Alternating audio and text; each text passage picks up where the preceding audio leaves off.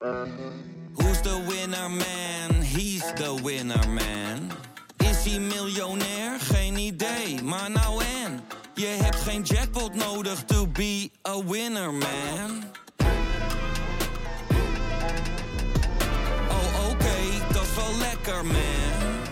Hé, hey, uh, mafkees, wat, wat ben je aan het doen? Kuit kan het al heel snel doen. En doet het. Kuit doet het. Pierre van Hooydonk. En ja.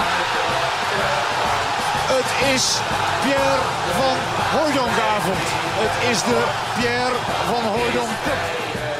Met elkaar communiceren, met elkaar praten, dat is toch een heel groot probleem hoor. Natuurlijk staat dit schitterende stadion bekend om zijn sfeer. Maar zoals vandaag heb ik het nog echt uh, zelden meegemaakt. Ik denk dat ik dat gezegd heb, maar dat heb ik niet gezegd. Half uur later dan, uh, dan gepland zitten we eindelijk in de huismeester voor aflevering 3 alweer van de, de Vermaarde Dik voor elkaar podcast. En hij zit weer tegenover me, hè, de, de nog le enige levende schrijver van de Grote Vijf. Die, uh, die de moeite heeft genomen om, uh, om weer een drie kwartier uurtje over, over Feyenoord te praten. En je bent moe hè? Ik ben een beetje moe, maar goed, uh, ik heb uh, genoeg energie om een uurtje over Feyenoord te babbelen met jou hoor. Ja, het was, was laat gisteren weer hè? Het was laat, ik moest uh, het volk weer toespreken bij Jinek. Ik bedoel, een dag niet op nationale televisie is een dag niet geleefd. Dus nee. Ik moest weer even de professor uithangen. En dit keer over de Kuip. Santos, het voetbalblad, had een boek uitgegeven over de mooiste stadions ter wereld. Ik had een stukje geschreven over de Kuip, dus ik moest even daar iets over vertellen. Ja, en we zijn het erover eens dat er maar één mooiste stadion is. Ik neem aan dat hij ook op één staat in dat boekje, of niet? Dat nou, er is, het is geen ranglijst of zo oh, nee. hoor. Maar ja, daar is iedereen het toch wel over eens, gek genoeg. Dat, we hebben niet, de eerste aflevering natuurlijk uitvoerend over, over gehad. Dat ja. er maar één echt stadion bestaat, sowieso in Nederland. En dat is de Kuip. Ja. Is wel apart, hè, die tik die sommige mensen hebben met, uh, met stadions. Ja, heb jij dit niet dan? Nee, man. Kijk, ik, ik, ik heb ja, moeite, gaat ook weer een beetje ver, maar heel dat voetbalculture gedoe en volwassen mannen in voetbalshirts ja. die dan langs stadions trekken, ja, iedere gekse gebrek. Maar ik hou net zoveel van een fonkelnieuw stadion met een heerlijke parkeerplaats en goede wifi. En dat maakt mij toch niet iemand die minder van voetbal houdt dan, uh, dan dat je maar langs Fleetwood Town trekt of uh, in van die nee. Stadionnetjes met stinkende pisbakken. Ja, is dat dan het voetbal zoals het uh, gespeeld zou moeten worden? Of zoals het zou moeten zijn. Ja, weet je, ieder heeft zijn, uh, zijn, uh, ja, zijn eigen kijk daarop. En ik, ik hou ook gewoon van. Ik ben WK Rusland, WK Brazilië, EK Frankrijk. Prachtige stadions, publiek kort op het veld. Nou, dat is toch ook prachtig? Ja, is ook wel zo. En het, het heeft ook iets lachwekkends inderdaad, die, uh, die voetbalromantiek. Zeker bij mannen op leeftijd. dus ik, dat realiseer ik me ook wel. Ik, en je kan, het ook, je kan er ook in doordraven. Ik ben voor VI, toen ik voor het blad schreef, nog wel eens met zo'n jongen op pad geweest. die dan helemaal gek was van, van die verlaten stadions van clubs die niet eens meer bestonden. Weet je wel. Dan gingen we naar Brussel. Nou, daar heb je er geloof ik al elf. Ja, daar zitten er een aantal. Ja, waar, het, waar het, het onkruid door. Ja, de, ja. en uh, dat is wel leuk. Weet je wel. De eerste was hartstikke leuk. En de tweede ook. En de derde. Maar op een gegeven moment bij het zevende stadion. Als, er weer, als je dan weer met, met half betraande ogen naar zo'n cornervlag moet gaan kijken. die scheef gewaaid is in 1953. heb je het op een gegeven moment wel gehad. Maar er zijn mensen die, die ja, die die zijn daar iets gevoeliger voor. Ik ben er ook wel een beetje gevoelig voor. Ik heb niet zoveel met die moderne stadions hoor. Ik bedoel, ik nee? was in het stadion van, ik was toen bij Italië en Nederland, dat nieuwe stadion van Juventus. Prachtig toch? Ja, het is wel mooi, maar uh, je hebt ook het idee dat je gewoon uh, een showroom van uh, Ferrari binnenkomt of zo. Hoe daar binnen met al die mooie mannen en die mooie meisjes in die pakken en dat het gestroomlijnde, ik weet niet. Ja, ja ik, ik begrijp het ook wel. En als ik ergens op vakantie ben en er is een stadion, ja, daar rijd ik altijd wel even langs. Maar ik ben in het stadion van Letje geweest uh, een, een, keer. Dat, was, dat schijnt dan ook zo geweldig uh, te zijn. Nou, het was natuurlijk één grote betonnen bouwval. Ja, ja je maar kunt er de charme van inzien. Ja, maar het gaat ook meer om... Kijk, ik ben ook wel eens in, uh, ik ben wel eens in Brazilië geweest, honderdduizend jaar geleden voor het eerst. En toen was ik met iemand in Rio die helemaal niets met voetbal had. En uh, toen ben ik smiddags naar het Maracana geweest, het oude Maracana nog. Nou, dat was echt een hele vieze, oude, stinkende pisbak, eerlijk gezegd. Maar wel het grootste stadion ter wereld. Ja. En toen heb ik toch wel een uh, suppostar of zo'n mannetje die daar stond omgekocht om uh, binnen te komen. Zeker heel moeilijk. Nee, dat, dat kost ook heel weinig geld. En uh, die heb ik gewoon wat van die, van die beduimelde biljetten in zijn hand ges, ge, gestopt. En toen ben ik dat veld opgegaan. Toen heb ik daar in de dugout gezeten en zo. En toen kwam ik smiddags terug, of aan het eind van de middag. En toen vroeg die man, wat heb je gedaan? Ik zeg, nou, ik ben naar het Maracana-stadion geweest. En toen zei hij, en, en wat was daar dan te zien? Was er een wedstrijd? Ik zeg, nee. Hij zegt, oh, was er dan een concert? Ik zeg, nee, ook niet. Het was gewoon helemaal leeg. Die man snapte er niets van dat ik daar uh, uh, zo graag in die dugout wilde zitten. Maar het gaat gewoon om het idee dat Pelé daar heeft gezeten ja, en Garincha. Dat zo, tuurlijk. Oranje trainde toen volgens mij het oude stadion van, eh, van Corinthians in, eh, in Brazilië. Natuurlijk is dat hartstikke mooi. Ja. Maar weet je, en, en sommige collega's die er ook zo, eh, dat aanhangen, dat voetbalculture. Ja, je moet ze horen als ze een keer geen wifi hebben. Dus daar gaat het ook een, een beetje op. Maar Ja. nogmaals, ieder zijn eigen hobby. En eh, we zitten nu alweer twee minuten over stadions te praten. Kunnen we ook sowieso natuurlijk gewoon een eh, hele uitzending over vullen. Want ja, over alles kunnen we dat. In principe wel. Maar laten we het over Feyenoord hebben. Ja. Heb je gekeken? Ja, natuurlijk heb ik gekeken. Ja, en eh, nou ja, je werd er niet vrolijk van, toch? Van de wedstrijd op zich. Nee. Maar wel van het eindresultaat, denk ik. Ja, ik werd wel vrolijk van weer naar een stadion rijden. Ja, en, kan en, en parkeren en, en, eh, zo'n stadion inlopen en een wedstrijd te spelen die ergens om ging. Ja, en hoe was de wifi?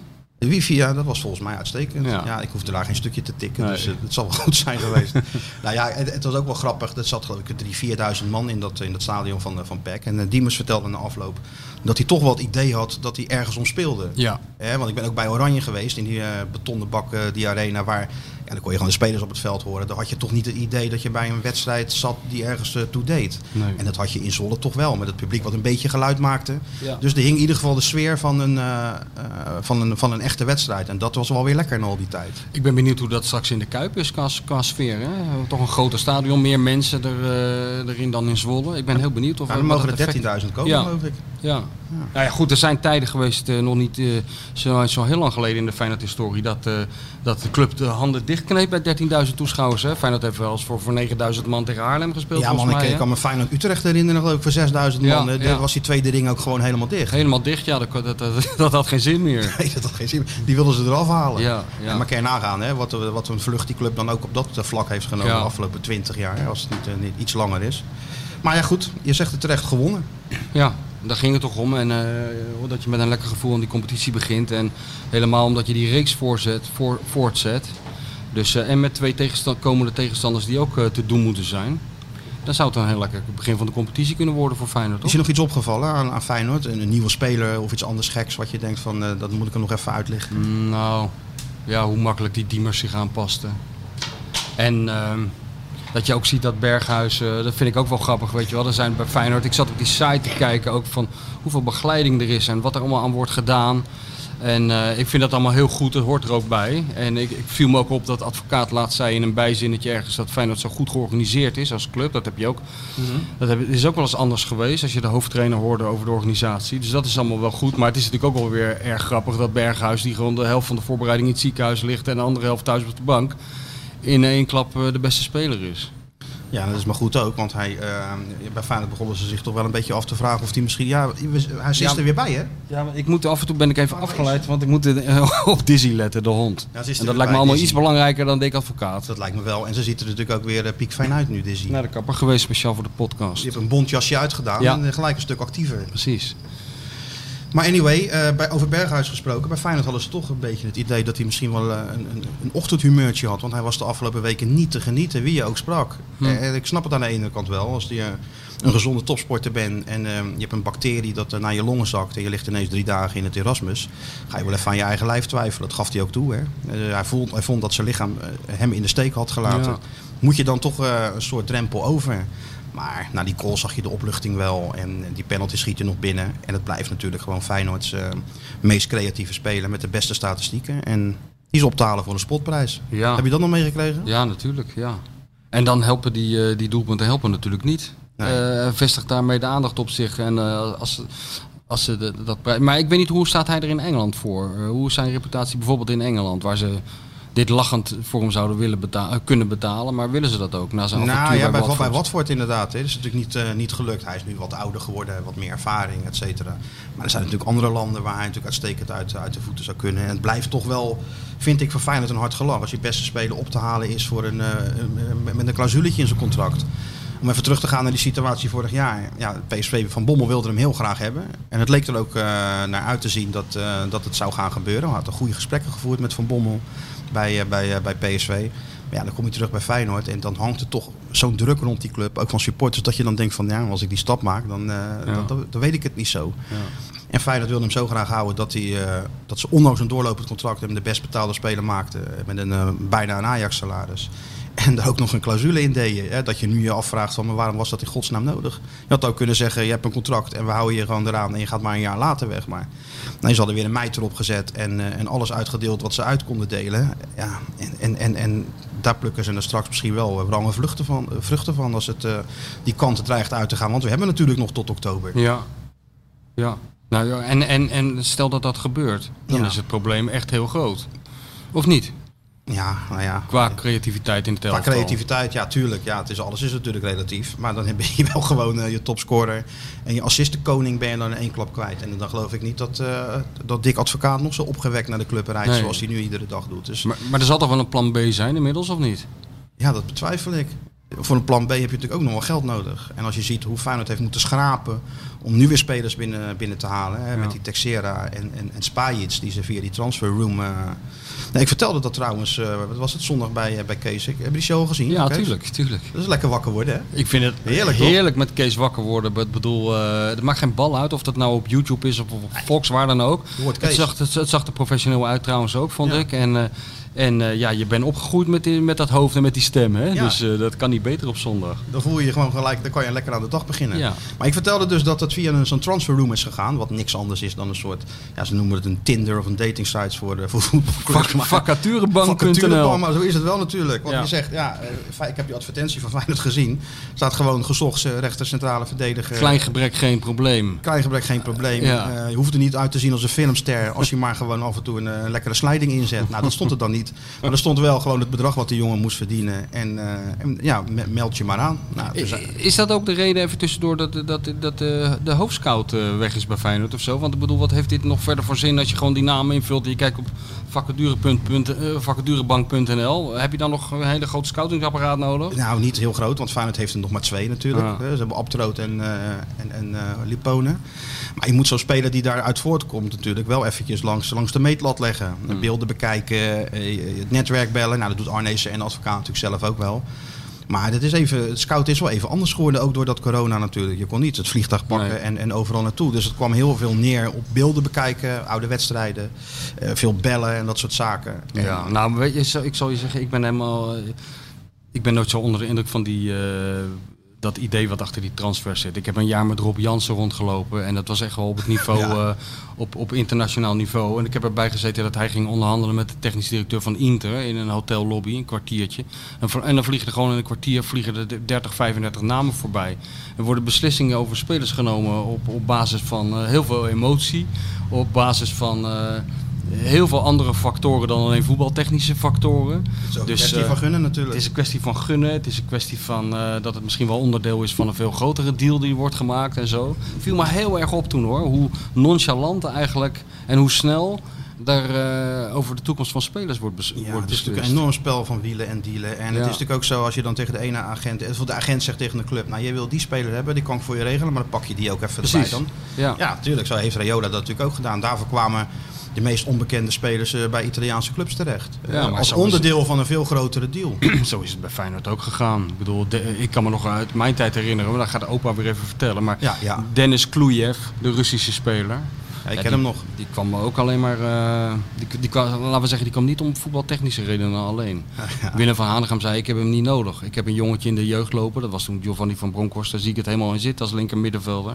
Ik heb die rust niet nodig. Hij kwam toch. Het was toch ook wel een beetje om de zaakwaarnemer te pleasen, heb ik altijd het idee gehad. Ja, dat zou best kunnen. dus dat speelt allemaal wel mee. Ja.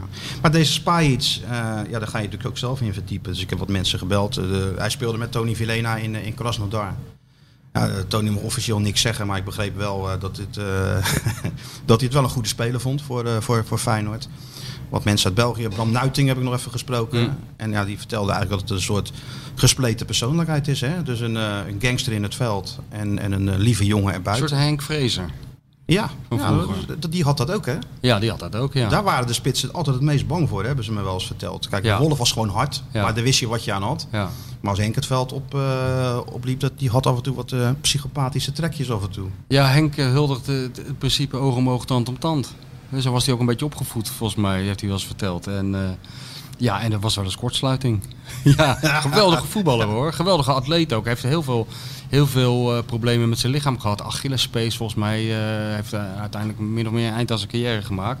Maar was wel, eh, ja, ik vond de persoonlijkheid. Ik vind hem als trainer trouwens ook een persoonlijkheid. Ja, hij straalt wel wat uit, dat vind Ja. ik ook. En het blijft ook een aardige gozer. Ik Ja. heb hem meegemaakt bij Jong Oranje als assistent bondscoach. Ja, Ja, er komt, ja, he fills the room, hè, zeggen, de, zeggen de Engelsen. ja, ja. Klopt. Ja, dus iedereen, het is niet gek dat iedereen ooit, Henk Vrezen ooit een keer verwacht in de Kuip als trainer van Feyenoord. Nee, dat zou als heel mooi zijn. goed blijft presteren bij, eh, bij, bij Sparta. Lijkt mij een veel logischer eh, ex-speler om op de bank te zetten dan Dirk Kuyt. Ja, hè? Ja, ja, dat vind ik ook. Want Dirk Kuyt moet alles nog maar bewijzen Ja. als trainer. Maar Henk had het inderdaad ook. En dat schijnt deze, deze Servische slager.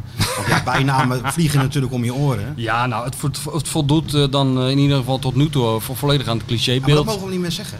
Ik Nee? heb allerlei berichten op, op Twitter. We mogen niet meer zeggen dat het een typische Feyenoord-speler is. Nee, nou, maar daar ben jij mee begonnen, want jij hebt dat aan Ar Arnezen Ik heb dat aan voorgelegd. Arnissen voorgelegd, inderdaad. Alleen, ik zat er ook over na te denken. Het is natuurlijk ook niet. Het geeft toch ook niet. Sommige spelers zijn bij Feyenoord gewoon populair. Denk jij dat Berghuis de meest populaire speler is in de Nee. Kuip? Nee, natuurlijk niet. Het is wel de beste, maar niet per se de meest populaire. Nee. Wie is eigenlijk de populairste, denk jij? Poeh, ja, dat is heel lastig. Ik Hmm. denk dat Bijlo wel populair is, Ja. vanwege natuurlijk zijn achtergrond. Ja. Maar ik sluit niet uit dat deze, dat deze Servië ook heel populair kan worden. Schijnt een aardige gozer te zijn buiten het veld. eh, benaderbaar. Ja, en, en binnen de lijnen schopt hij je lachend kreupel. Nou, het klinkt, het klinkt allemaal... muziek in je eh, oren. als muziek in de oren. Ja, nou, het klinkt goed. Maar we gaan er wel een beter beeld door krijgen, denk ik, nu eh, Feyenoord een, een overeenkomst is aangegaan met, met Disney+. Plus, hè? Ja, dat, dat vond ik een heel verbazingwekkend eh, Ja? bericht. Ja? Ja, zeker. Weet, ik weet wel dat er... het verbaasde me niks dat Chris Woerts eh, met deze mededeling kwam en zich er ongetwijfeld weer mee bemoeit. Want er gebeurt helemaal niets in het voetbal zonder dat Chris Woerts zich ermee bemoeit. Heb ik altijd het idee. Is, Chris is, eh, ja, Kees Jansma heeft een naam, maar Chris is dan nog een grotere octopus, hè? Met Ja. tentakels tot, eh, tot, tot waar ze ook kunnen reiken. Zeker Of weten. het nou bij Fox is, of bij Eredivisie, of bij, bij, bij Bij de bedrijven, KVB, clubs. ja. KVB, shirtsponsor van Emmen. In de media, ja. Chris fixt het. Ja, het is wel een fenomeen eh, natuurlijk, Chris Woerts. Dit is het enige man in Nederland die tranen in zijn ogen kan krijgen van een goed bedrukte reclamebord langs de kant van, de, van het veld. Hij kijkt heel anders naar voetbal dan wij. Hij ziet alleen maar eh, eh, geld over het, veld, over het veld en langs het veld. Maar daar is hij wel goed in. En ik ken hem uit de tijd dat ik zelf bij Feyenoord werkte. Toen was hij daar commercieel directeur. En ik, hij was toch een beetje een vreemde eend in de bijt. In die zin dat hij als een olifant door de porseleinkast ging. Maar het was wel iemand die altijd op zoek was naar vernieuwing. Het was ook iemand die de hele godganselijke dag door ideeën had. Een stuk of honderd per dag. Waarvan in mijn idee vaak 98 totaal krankzinnig. Maar twee briljant.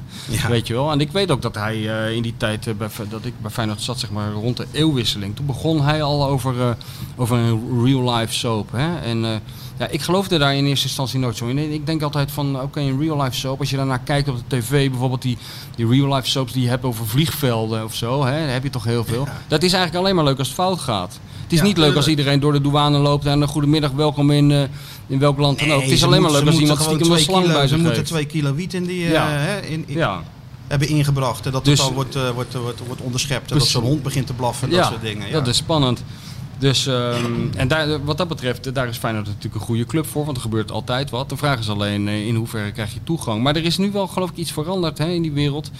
Door die documentaire ook van Spurs. Ja, en de City is geweest. Maar om even op die Chris terug te komen. ehm, ik kende hem natuurlijk van Feyenoord. Hij is ook naar Sunderland gegaan. Ja. Hij een hele moeilijke titel. Had hij daar Chief Executive, nog wat eh, marketing en, en, en noem het allemaal maar op. Dus ik ging een, een, een, een weekje met hem mee. En dat begon dan op Schiphol. In eh, de Crown Lounge. Ik zal het nooit vergeten, want hij had natuurlijk zo verschrikkelijk veel van die punten. Die Ja, heel zijn leven gratis vliegen.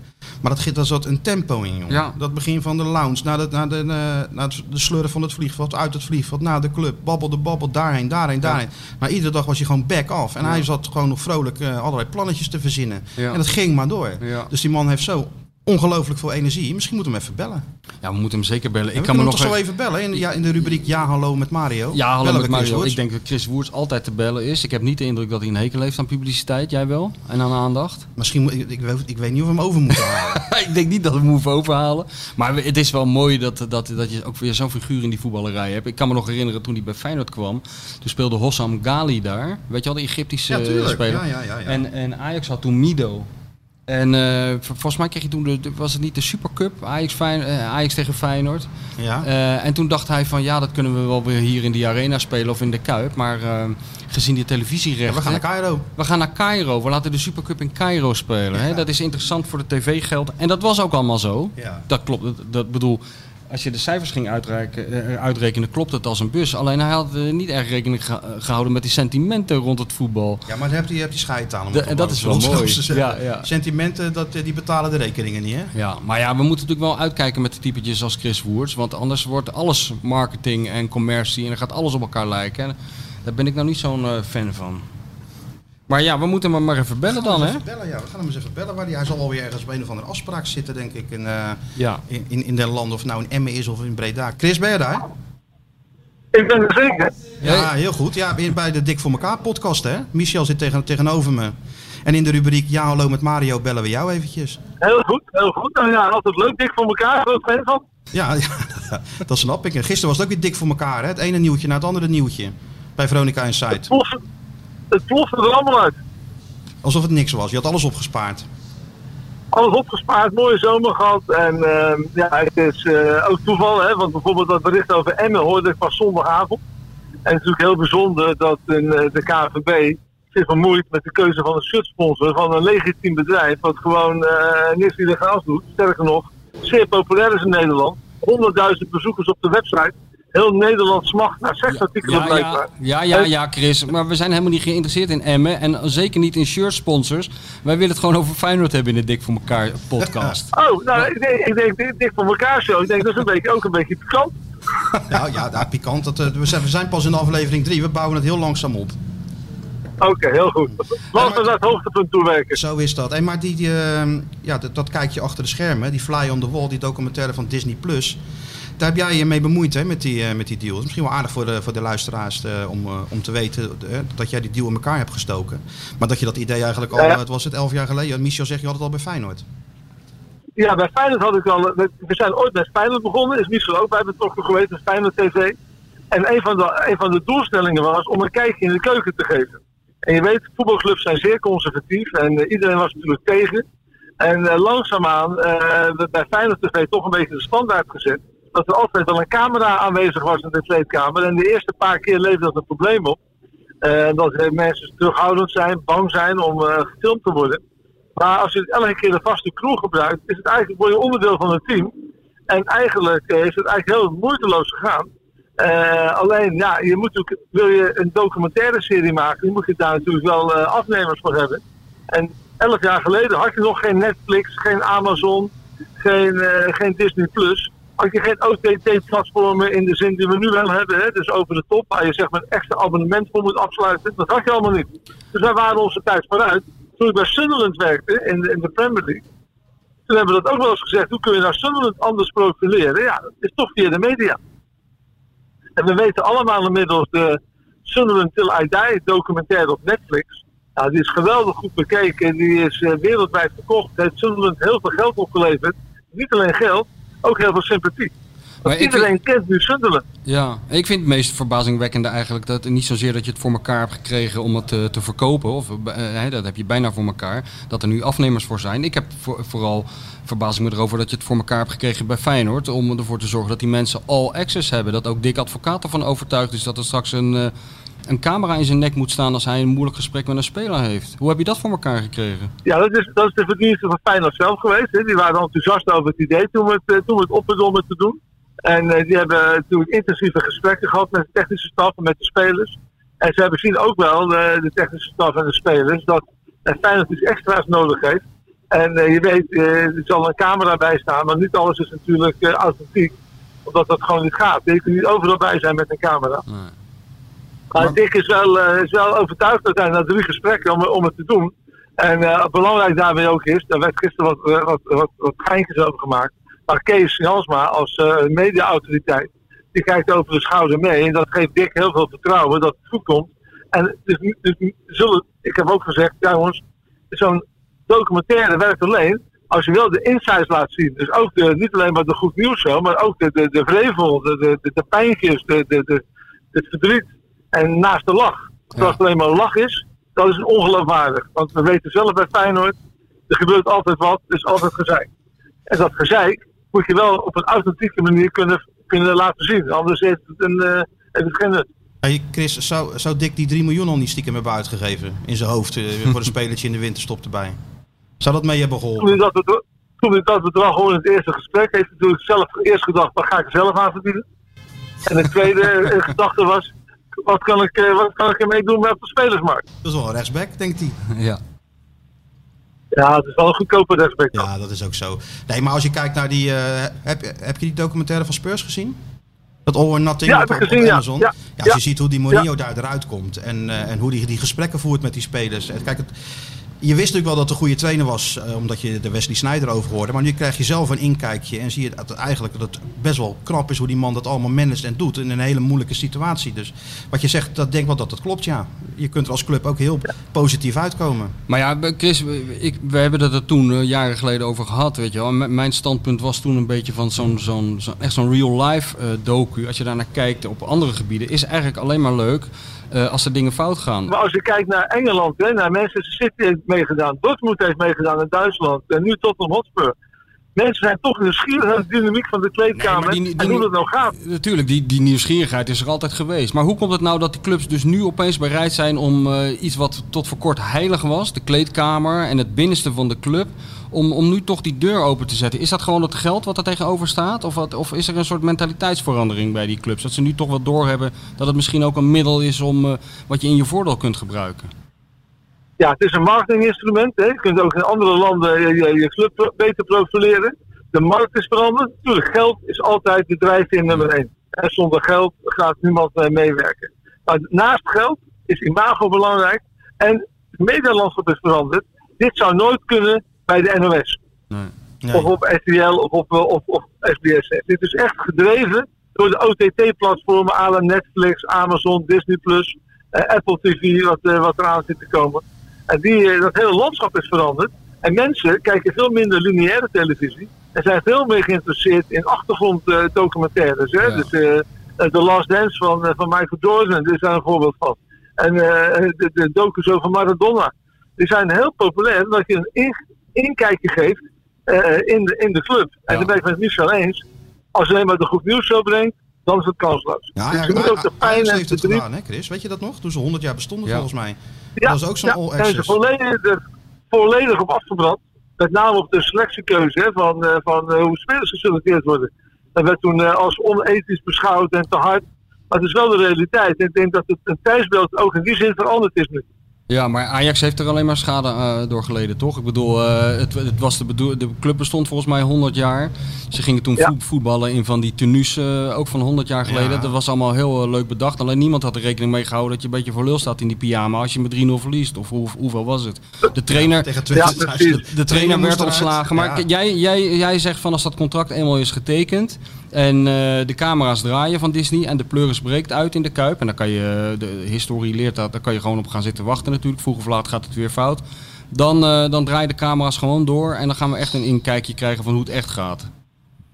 Dat is absoluut de voorwaarde. Hm. Anders is het een kansloos project. Ja. Oké, okay. okay, nou Chris, dat heb je mooi voor elkaar. Is dat nou een jongensdroom? Want je zit er al zo lang over te zeuren, al tien jaar lang. Is het nu, uh, rij je nu uh, extra, extra glunderend door, uh, door het land? Nee, ik vind het wel leuk dat het gelukt is uiteindelijk met ja. een club. Weet je, het is, uh, het, is, het, is, het, al, het is lang geduurd, hè? het is best wel een lang proces geweest. En dan moet ik zeggen, ben ik niet bij betrokken geweest intern. Dus met name uh, de directie van Feyenoord heeft het echt hard voor gemaakt. En die hebben echt gezegd, jongens, dit is een kans voor ons. Die, uh, ja, die moeten we gaan pakken met beide handen. En je ziet ook, de Netflix, de Amazons, de Disney Plus, zijn maar in twee clubs geïnteresseerd in Nederland. Het is Feyenoord en Ajax. Ja, ja. En, en als dat als eerste club dit kan doen, dat is natuurlijk uniek. Absoluut. En je hebt vast nog wel honderden en ideetjes, toch? Het stopt nooit we blijven gewoon nadenken. Als in jouw hoofd stopt als, als, het nooit. Nee, dat kan ook niet. Hè? Of, of ik moet hersenbloeding krijgen, wat uh, God verhoede. Maar uh, je moet altijd actief blijven en, uh, en, en, creatief blijven. En denken uit of de box. Nooit denken in, in beperkingen, altijd in mogelijkheden. He, he. Ooit zei je tegen mij als laatste, je had de adviseur van Obama kunnen zijn, hè? Had gekund. Maar dan had, eh, had eh, Trump nooit gekozen geworden. Nee, dan was het allemaal heel anders gelopen in de wereld. Absoluut, ja. Nee, maar die, die slogan die hij gebruikte, ja, dat stond, ook helemaal voor jou. Nou, Chris, hartstikke bedankt voor je tijd. Chris, make Feyenoord great again. Absoluut. ja. en we zijn nog niet van Chris af, denk ik, want het, het, het gaat maar door. Nee, nee. Dus eh, het wordt gewoon een rubriek, hebben jullie. Ja, ja, Ja, ja, hallo met weten. Mario en dan bellen we jou nu en weet ik veel wie we volgende Ja. week. We verzinnen die rubriekjes ter plekke, schieten ze weer af en moet je nog de groeten doen aan iemand? Dat kan nu, hè? Nee, dat hoeft niet. Nee, nee, nee. nee. Ik wens iedereen een hele fijne dag. Heel goed. Oké, Chris, Thanks, bedankt. Chris. Graag gedaan. Bye, bye. We hebben het toch wel redelijk kort gehouden.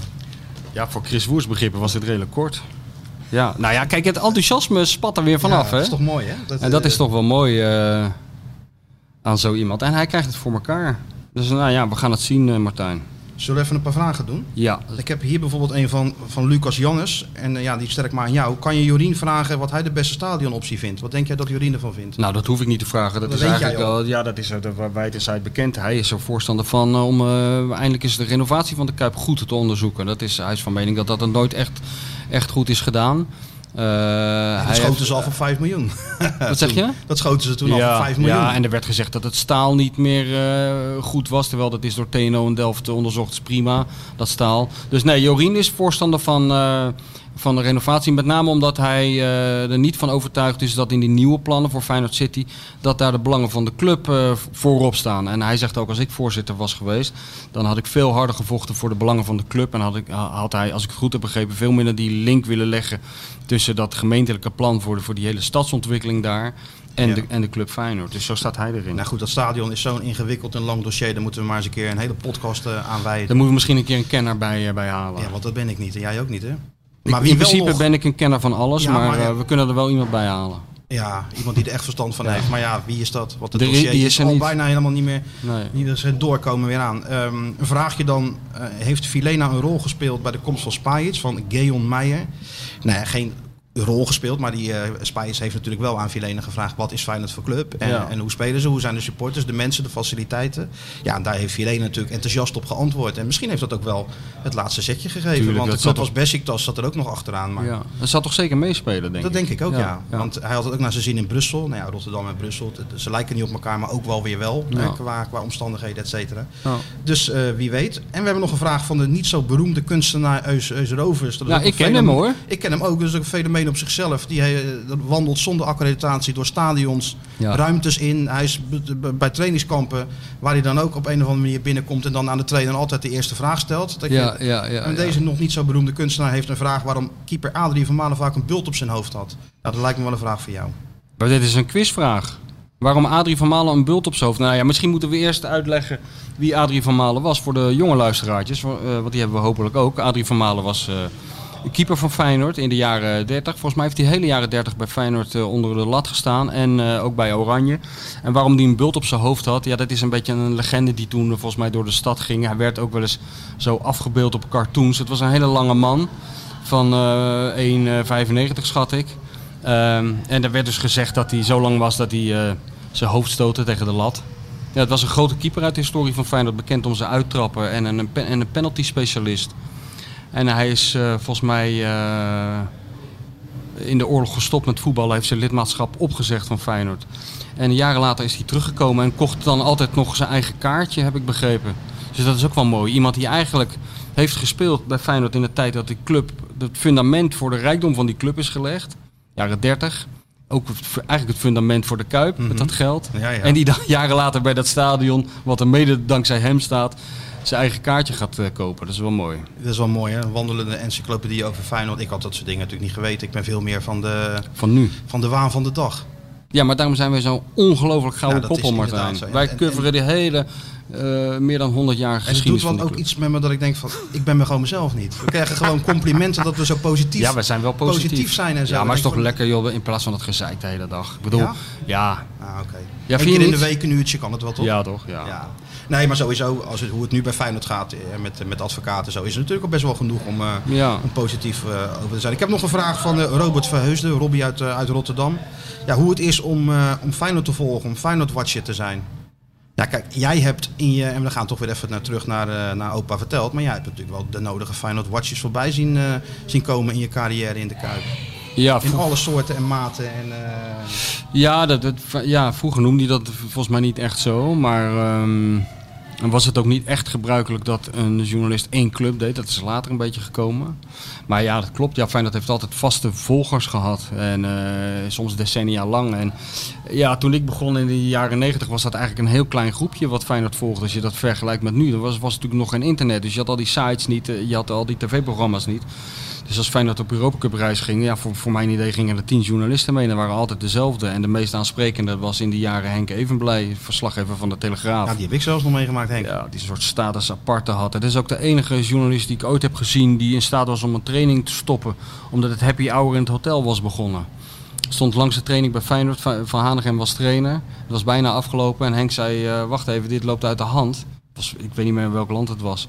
Dit loopt uit de hand, maar het happy hour in de bar van ons hotel begint zo. Dus die training moet wel afgelopen zijn. Toen floot hij op zijn vingers. En toen zei hij tegen Willem, stoppen. En Willem vroeg toen, eh, schreeuwde, wat is er dan Henk? Happy hour begint. En toen stopte de training. Ja, Henk, Henk was wel een fenomeen. Cody Ja. Koppenmaker, hè? Ja. Leo Nent-Bona mee. En, eh, en toen Arie Haan vertrok, eh Arie Verdetsi. Dat is misschien wel de allermooiste nog. Ja, nou, het, het mooiste was eigenlijk toen Feyenoord eh, uit ging spelen op Tenerife.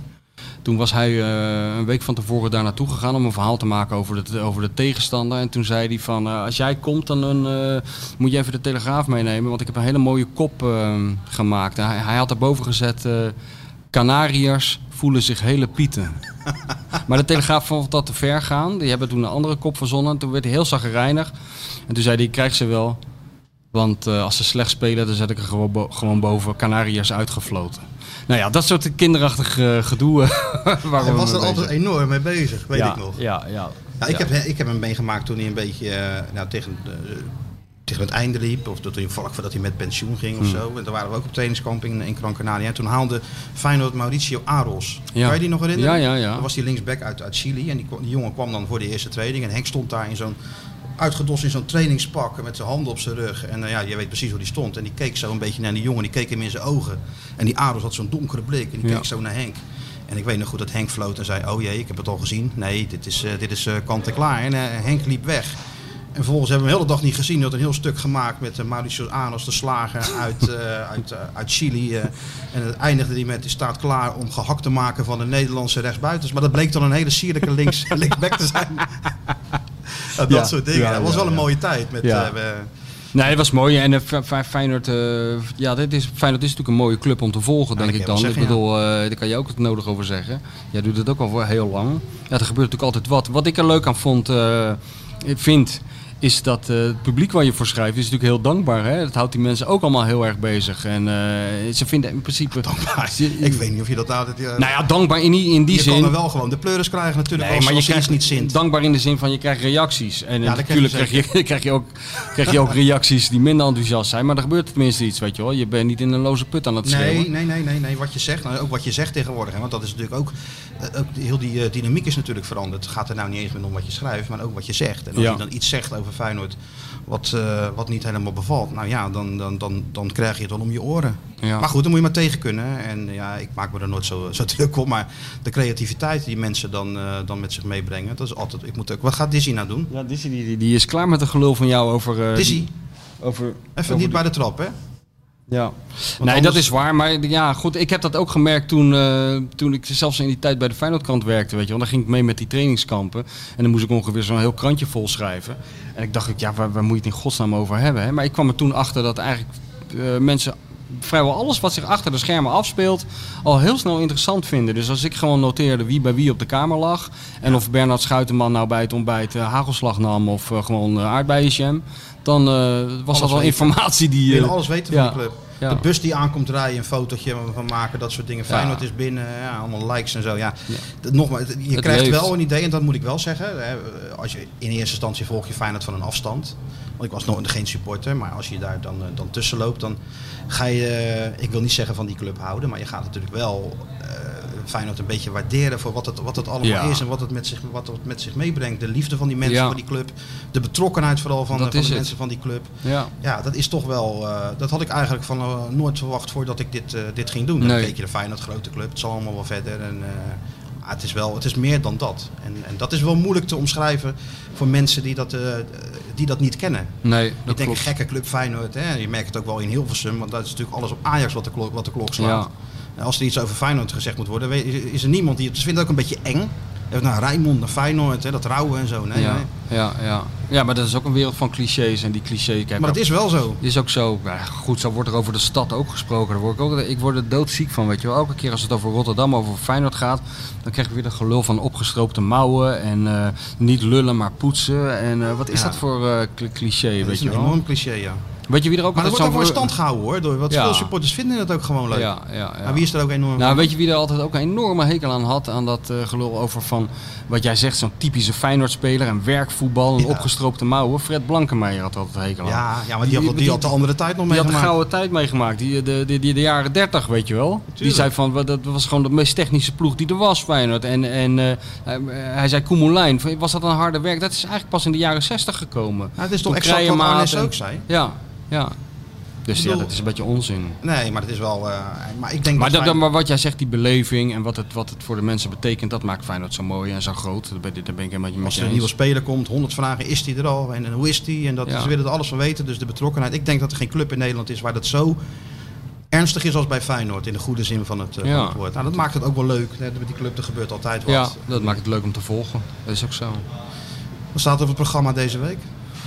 Nou, een beetje... Verschijn je nog ergens, ongetwijfeld alweer op een programma. Het is wel mooi dat jij een beetje de grachtengordel doet. Hè? Ja, De- de- de- ik doe alles boven... High-end. Ja. Ik doe gewoon bij Kees en bij Fox en Jij bij doet een eh, massa. dat soort dingen. Ja. Ik doe, nou ja, dat hebben we toch alles gecoverd. Ja. Nou, wat er op het programma staat, ja, ik weet niet hoe we dat moeten gaan oplossen. Maar de Sjoerd gaat dat eh, hopelijk regelen. Ik ga dus gewoon op vakantie. We gaan Ik bedoel, kijk, ook de boog van een bestsellerschrijver kan niet altijd gespannen Nee, zijn, dat Martijn. Ik bedoel, eh, en een Feyenoord Watcher. Dat gaat je allemaal niet in je koude kleren zitten. Dus ik ben eh, zondag eh, ben ik eventjes een dag of tien weg. Dus hoe moeten we dat nou doen met die podcast? Waar ga je heen? Frankrijk. Waar precies ongeveer? Dat hoef je niet het adres te geven, maar welke streek? Nou, bij Bordeaux in de buurt. Is dat code geel nog? Dat hoop ik. Ja, het schelen verder. ja, dus er zit maar één ding op, Sjoerd. We moeten er naartoe of bellen. Hè? Het is, het is een uurtje of tien rijden. Een uurtje of tien rijden, ja, maar ja goed, voor deze podcast Jullie zijn we welkom, jongens. Voor deze podcast heb ik alles over. Ja, natuurlijk. Nou, we moeten even zien hoe we dat dan gaan doen. Want Ja. ja, ik, ik vrees toch met grote vrees als dat eh, technisch voor elkaar. Ik bedoel, we Ja. zitten nou op een meter, dat piept alweer kraakt af en toe Ja, al. ja. Nou ja, we zullen zien. Maar dat is dus. eh, verder heb ik niet zoveel eh verspannende dingen deze week. Jij? Dus gewoon heel rustig, dus nu dinsdag heel rustig toeleven naar eh Tour de France kijken. Dat is ook wel grappig, want ik zat in het AD vanochtend, die, die paas van de Jumbo-formatie. Maar die heb jij nog mee, die, die schreef nog stukjes voor jou. Richard Plugge. Ja, die Ja, schreef ook voor de, voor de Feyenoordkant. Schreef hij ook trouwens. Ja, maar ook, ja. was jouw En ook medewerker, eh, voor toch? de Zoetermeerse krant. Ja, die, die heeft het wel goed gedaan, ja. En dan ben je een paar jaar later de baas van... eh van, Ja. van, van, eh, Van volg, een je hele- dat, volg je dat een beetje trouwens, die Een beetje, een beetje. Beetje. Zo een beetje in de krant, zo'n beetje. Niet, eh, niet tot ver achter de komma. Ik ga Nee, niet uren voor die, eh, voor die tv zitten 's middags. Jij wel? Nou, een bergetappe wil ik het nog wel eens doen. Maar als je dan die, eh, die, die jumbo ziet rijden omhoog. Ja, je mag het natuurlijk niet zeggen, maar eh, een beetje gek is het wel. Ja. Nee, bedoel, we hebben allemaal eh, Armstrong zo naar boven zien komen. Ze zetten nu tijden neer, ja, die waren nog sneller dan die van de Bos. Dus Ja. zijn natuurlijk wel superatleten, maar... Ja, wie, wie zei dat nou ooit, dat je de winnaar van de Tour de France over tien jaar wel wordt? Ja, dat is, dat is waar. Maar het blijft een mooie sport. Ja, toch? En eh, we gaan allemaal weer voor zitten. Vanmiddag weer een bergetappe. Maar wel grappig dat, dat iemand die dan vroeger gewoon stukjes schreef, kan je dus... Je ziet in het leven is alles mogelijk. Ja, ja, ja nee, die jongen heeft het gewoon hartstikke goed gedaan. Ja. En, eh, en dat, hij is ook van huis uit een wielerman, weet je wel. Het is echt bij hem, die liefde voor die sport. Hij was zelf eh, amateur wielrennertje toen. En eh, wij waren allemaal... Ik ken hem van heel jong, hij woonde bij mij in de straat ongeveer. Ja, ja. Wij waren aan het voetballen, hij was aan het fietsen. Ook aparte sport. Hè? En allemaal, als je dat met voetbal vergelijkt. Hè? Kijk, die Tom Dumoulin die zakt een keer door het ijs of doet iets geks, gaat op kop rijden. Maar een en al begrip.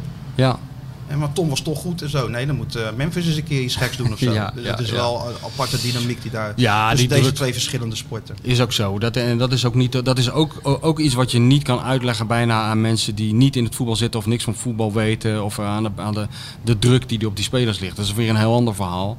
Maar de druk die er op die jonge gasten ligt om te, te moeten presteren, voetballers. Ook voor, met name bij een club als Feyenoord, waar het verwachtingspatroon altijd zo hoog is. Altijd net iets hoger dan, de, dan eh, wat, er- wat reëel mag worden geacht, denk ik dan altijd. Ja, nee, dat is En zo. dat is wel een factor, weet je wel, die, niet, die ook niet iedereen begrijpt, volgens mij. Ja, misschien moeten we wat begripvoller worden. Nou, ik vind Nee, ons al behoorlijk begripvol, ja, zeg. zo. Ik word een beetje moe van mezelf. Ja, hoor. ja. Hoe lang zitten Ja. we nou bezig?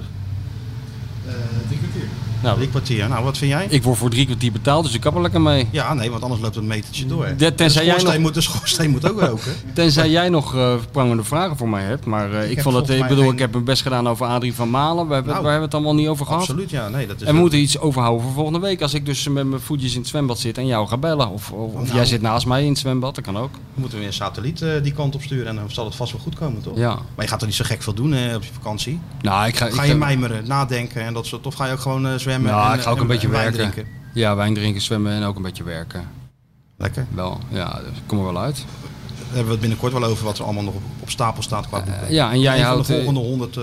Ja, we kunnen het ook wel eens over Feyenoord boeken hebben trouwens. Zeker een goed idee, want er zijn er natuurlijk ook genoeg van, Ja. van verschenen. Er zijn hele goede verschenen, ook hele slechte, maar ook hele goede. Dus, nee joh, wij zijn voorlopig nog niet uitgepraat over Nog die lang club. niet. Eh Mafkees, wat wat ben je aan het doen?